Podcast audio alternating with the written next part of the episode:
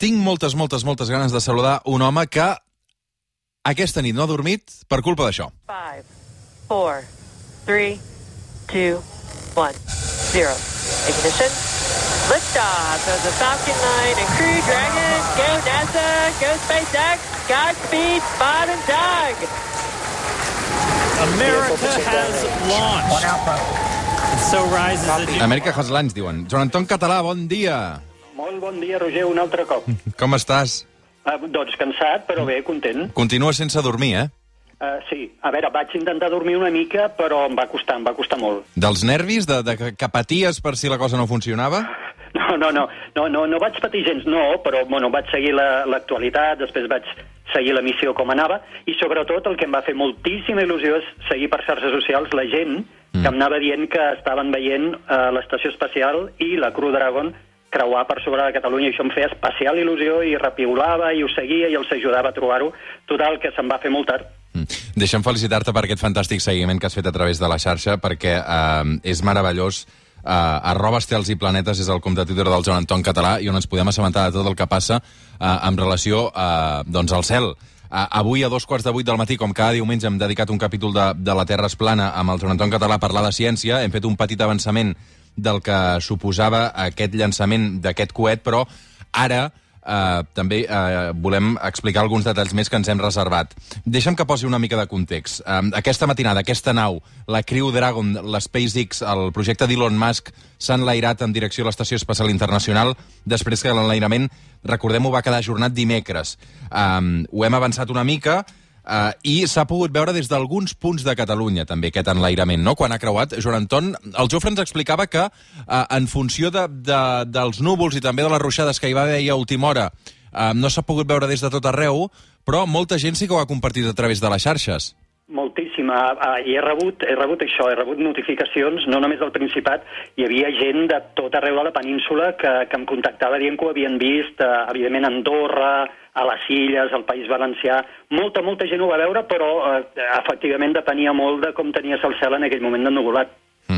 Escolta'm, per què és tan important aquest enlairament um, per aquesta testosterona americana i veiem com, com ho anunciaven i com ho venien també ara, no? Um, sí. Per què té aquesta rellevància tan històrica? Perquè deixen de dependre dels russos?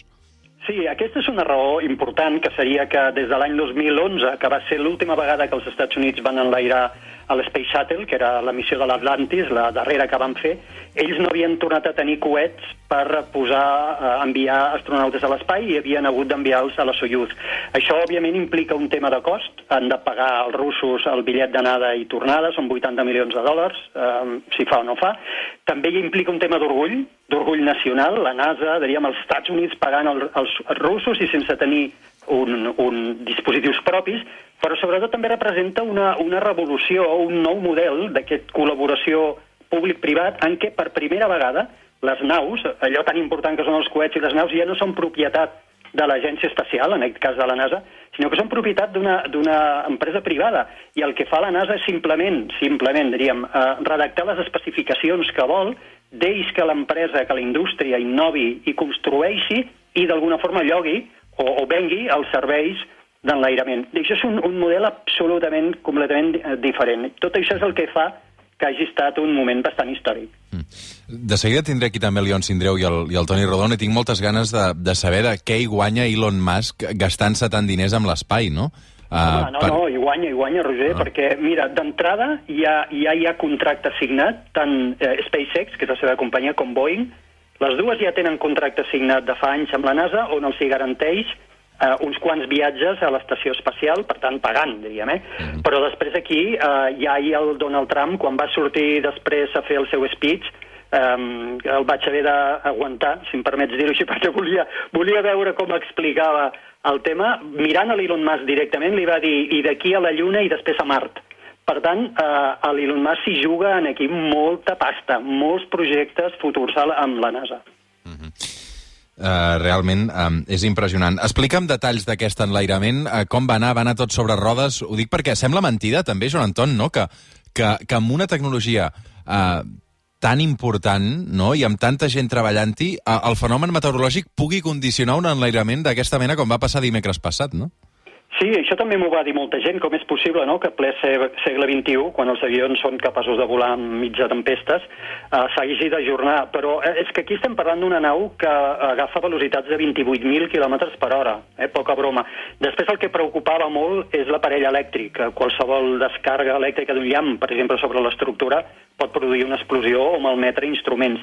I també, i això a vegades no hi reflexionem, aquesta nau porta eh, un sistema especial d'emergència que és capaç d'ejectar la càpsula amb els dos astronautes i llançar-la amb una trajectòria parabòlica a l'oceà en cas de perill d'explosió del coet.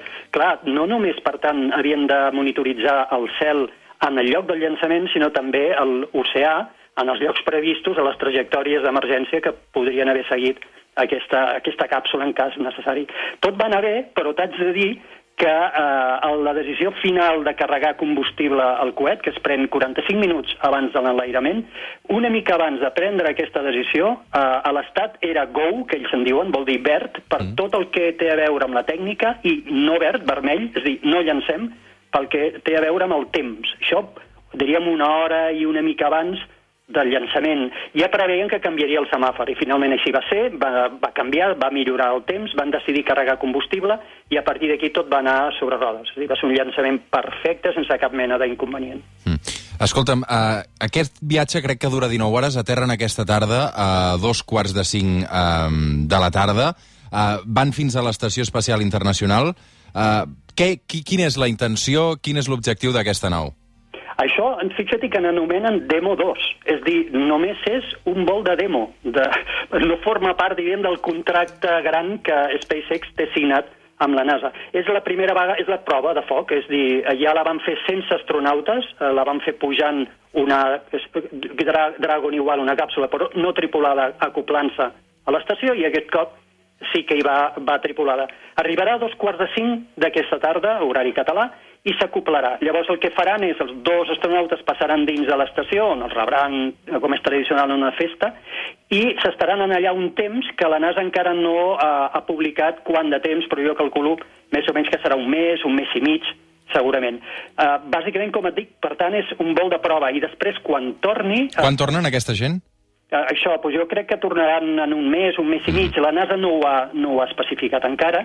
I quan tornin també es provarà tot el sistema de retorn, que també és un sistema especial amb paracaigudes sobre l'oceà Atlàntic, a diferència del disseny de Boeing, que segurament Boeing ho tindrà llest l'any que ve, eh, SpaceX aterra a, a, al mar, a l'oceà, i llavors també han de provar tot aquest sistema amb els paracaigudes. Vull dir, li diuen Demo 2, eh, perquè et vegis, és un, una demo amb tot ja preparat, de, de debò. Escolta'm, quants astronautes hi viatjaven?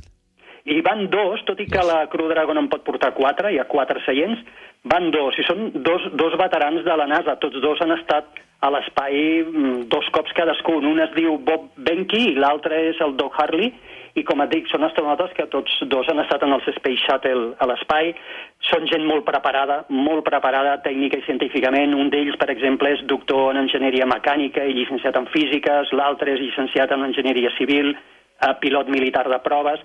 Uh, les seves dues dones, curiosament, també són astronautes de la NASA i també han estat a l'espai. Imagina't quines converses deuen tenir aquesta gent a casa.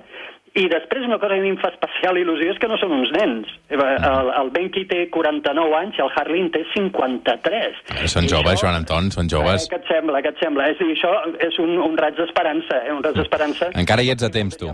Eh? Encara hi ets a temps, tu. Sí, bueno, jo em passo una mica d'aquesta, però bueno, estic aquí, eh? estic aquí. I tinc un raig d'esperança en que algun dia algú em pugui dir, escolta'm, que vols anar a l'espai? A veure. Uh, L'altra història és si tu podràs pagar això. Eh, clar, no. Eh, si, si vaig com ells, ells no paguen. És a dir, ells ho fan com a la seva professió. Amb ells els paguen, que és diferent. ells estan cobrant per fer això. Que, per cert, eh, fa una estona estaven dormint. T'haig de dir que estaven dormint a la nau i eren a punt de despertar-los. També ha de ser difícil adormir-se uh, en un viatge com aquest, no? Sí, però la tensió i el, diríem, el cansament físic, pensa que van estar més de 3 hores dins de la nau esperant l'enlairament, que això és, és normal, és tot el procés previ, eh, al final fa que vagin molt cansats. I és gent entrenada, saben que han de descansar perquè aquesta tarda els hi, els hi ve aquest apropament a l'estació espacial i tota la maniobra, que és una maniobra crítica, delicada, per, per ajuntar-se amb l'estació. Llavors els, ells saben que han de descansar i estaven dormint. I els despertaran ara i els deuen haver despertat en una cançó. Ah, sí? Quina cançó? Uh, mira, eh, quasi, quasi que ho adivinaríem, eh? però va, no ho farem perquè no tenim molt de temps, a l'himne americà. L'himne americà els desperta... Eh, és, són increïbles, aquesta gent, eh? Sí, sí crec, crec que han dit... Jo ho estava seguint ara fa una estona, eh, abans que em truquessis, i crec, havent entès això, que havien triat l'himne americà, que suposo que hauran, hauran triat alguna versió d'aquesta cantada per alguna Sí, artista coneguda, suposo, eh? Déu-n'hi-do. Escolta'm, a quina velocitat viatja aquesta nau, Joan Anton? 28.000 quilòmetres per hora. Això és una animalada, eh? És un animal. És que és inimaginable. Sí, home, fixa't que l'estació espacial dona un tom a la Terra cada 90 minuts. Això ja, ja et pot donar una, una mica d'idea de la velocitat a la, a la que funcionen aquests, aquests aparells. És, és impressionant la tecnologia que hi ha al darrere i després el, el fet de que el coet, el Falcon 9, que és el coet que es va separar, la, fase, la primera fase, per entendre'ns, va caure, va entrar a l'atmosfera, va caure en vertical perfectament i eh, a l'oceà Atlàntic hi havia una plataforma esperant-lo i es va aterrar en vertical clavat sobre una X que hi havia marcada, de forma que és reutilitzable aquesta fase. La tecnologia que hi ha és increïble. I la posta en escena de l'Elon Musk, com no podia ser d'una altra forma, és un show americà, absolut. Des dels vestits espacials, que són futuristes, els panells tàctils de, de dins de la nau, uh, el disseny mateix de la Crew Dragon, tot, tot, tot és, és fashion, saps? Tot és glamurós. Mm. Escolta'm, uh, i aquesta nau, aquesta tecnologia tan, tan pionera que m'expliques, com és aquesta nau? Que, de què, què la diferencia de la resta? A veure, és una primera, el disseny exterior és molt diferent. Uh, és un, un disseny això molt modern, molt futurista. Després té aquests sistemes d'emergència, porta uns coets que el que fan és que són capaços d'ejectar aquesta càpsula en cas d'emergència en trajectòria parabòlica i allunyen els astronautes uh, si hi hagués perill, per exemple, d'explosió de, del coet. Pot portar quatre persones, porta panells tàctics, com et deia, de, a més són d'un color blau molt, molt xulo, i uh, porta quatre paracaigudes que són capaços de fer-lo aterrar quan torni a la Terra, a l'oceà, i han provat que en cas de fallida d'un d'ells, amb tres es pot aterrar. És un disseny molt, molt, molt novedós. Si el compares amb el, de, amb el que tindrà Boeing, que Boeing és l'altra companyia que tindrà d'aquí a uns mesos podrà fer el mateix, el de Boeing és un disseny més clàssic, diríem ser una càpsula que tu la veuries visualment i és més clàssica, i aquesta és molt, bueno, molt Kubrick. Mm -hmm. uh, Joan Anton, deixa'm que et presenti uh, un moment el Ion Sindreu, ell és columnista del Wall Street Journal. Bon dia, Ion. Hola, bon dia. Això encara no és la setmana tràgica, eh? Això encara no és la setmana tràgica. I Toni Rodon, politòleg, com estàs? Hola, bon dia, com estem? Uh, però estem aquí comentant amb, amb el Joan Anton Català, que és el nostre científic de capçalera, amb tot aquest fenomen que hi ha hagut aquesta matinada. Alguna vegada nosaltres a la Setmana Tràgica hem parlat d'aquest personatge de l'Elon Musk. Uh, Ion, ajuda'm a descriure què hi guanya l'Elon Musk amb tota aquesta operació que ara ens explicava el Joan Anton Català, eh, finançant també un viatge com aquest i, i, i sent portada a tot arreu eh, gràcies a l'enlairament d'aquest coet. Perquè això de l'espai també és un negoci, no?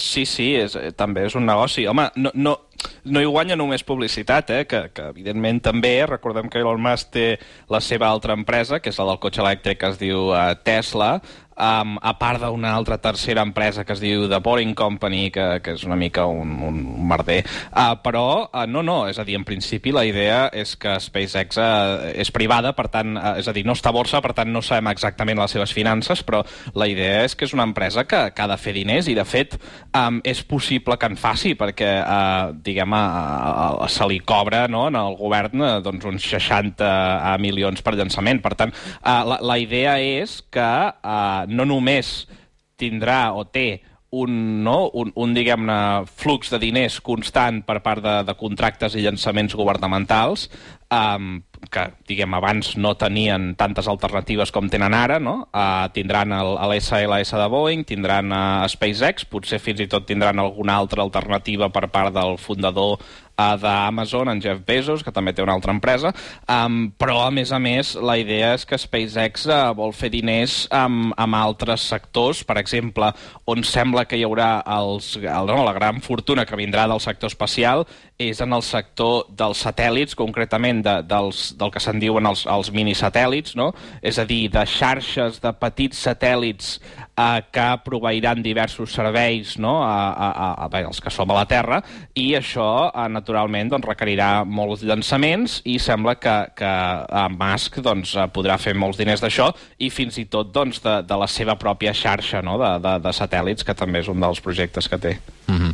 uh, Toni, uh, l'Elon Musk és un personatge... No sé si té fins i tot un punt fosc.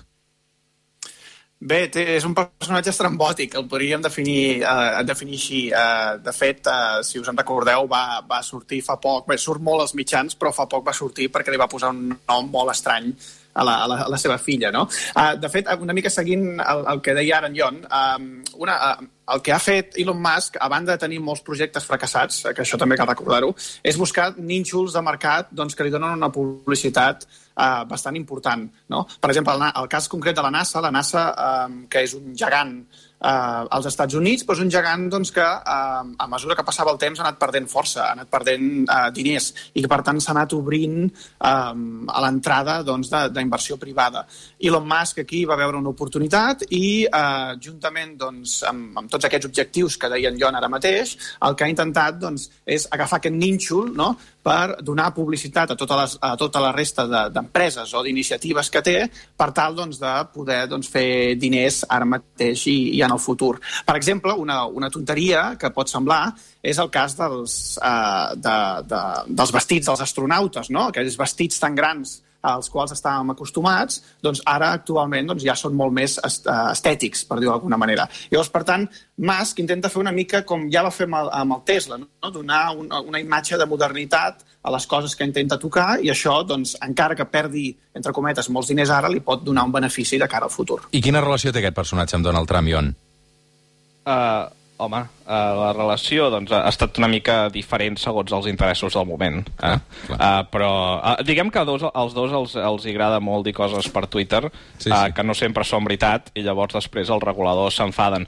Um, a més a més, diguem, hi ha la sospita que aquests, aquests bilionaris el que, el que en realitat volen és escapar de la Terra, no? abans de que, abans de que acabi doncs, uh, fet a miques. Eh, Mira, em diu la Marta Ferrer, eh, que és companya, evidentment, del suplement, eh, que la, la, el fill que ha tingut Elon Musk, és que no sé com es pronuncia. Ah, això sí, que sí. Escrit. Eh, Chae Chai Chi, eh, però escrit d'una manera molt estranya, no? Com amb...